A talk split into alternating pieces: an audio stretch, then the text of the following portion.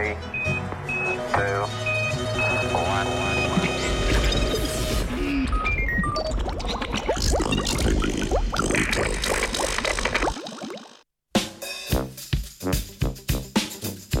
Prilagodljive azijske plenilke. Med velikimi mačkami, kot so leopardi, se znotraj vrste pojavlja različna obarvanost kožuha. Poznamo tako značilen pikčasti vzorec kožuha leopardov, kot tudi črni ali z drugimi besedami melanistično obarvani kožuk. Nekoliko drugače pa je pri manj znani vrsti divje mačke.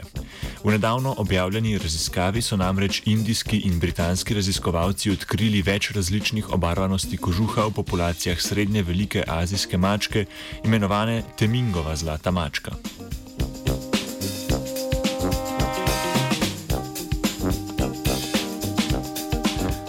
Skupina raziskovalcev, ki na območju doline Dibang v severovzhodni Indiji preučuje interakcije človeka in ostale narave, je med raziskovanjem naletela na med seboj precej različno obarvane divje mačke.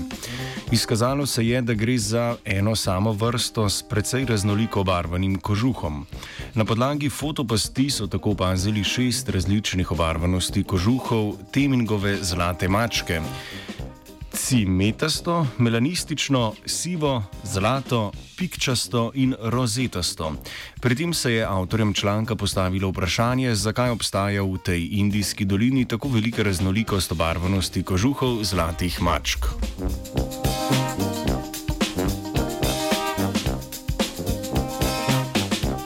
Različne variacije obarvanosti nastanejo kot posledica genetskega zdrsa ali naključne mutacije.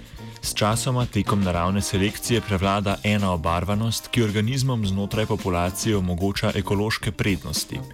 Eno od možnih razlag za raznolikost predstavlja visoka poseljenost območja z različnimi plenilci.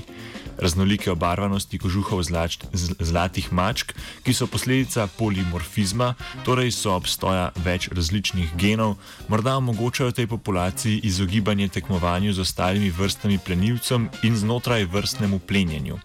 Raznolika obarvanost odpira možnost zasedanja različnih ekoloških niš.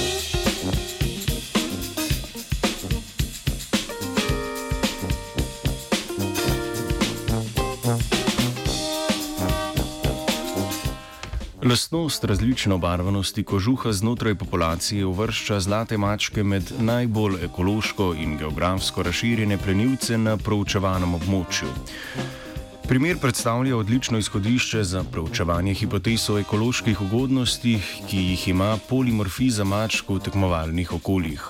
Razumevanje tega fenomena, ki se pojavlja znotraj populacije, lahko pomaga znanstvenikom in znanstvenicam razumeti, kako hitro se lahko živali prilagodijo in evolvirajo v spreminjajočih se okoljih kot posledici klimatskih sprememb in uničevanja habitatov.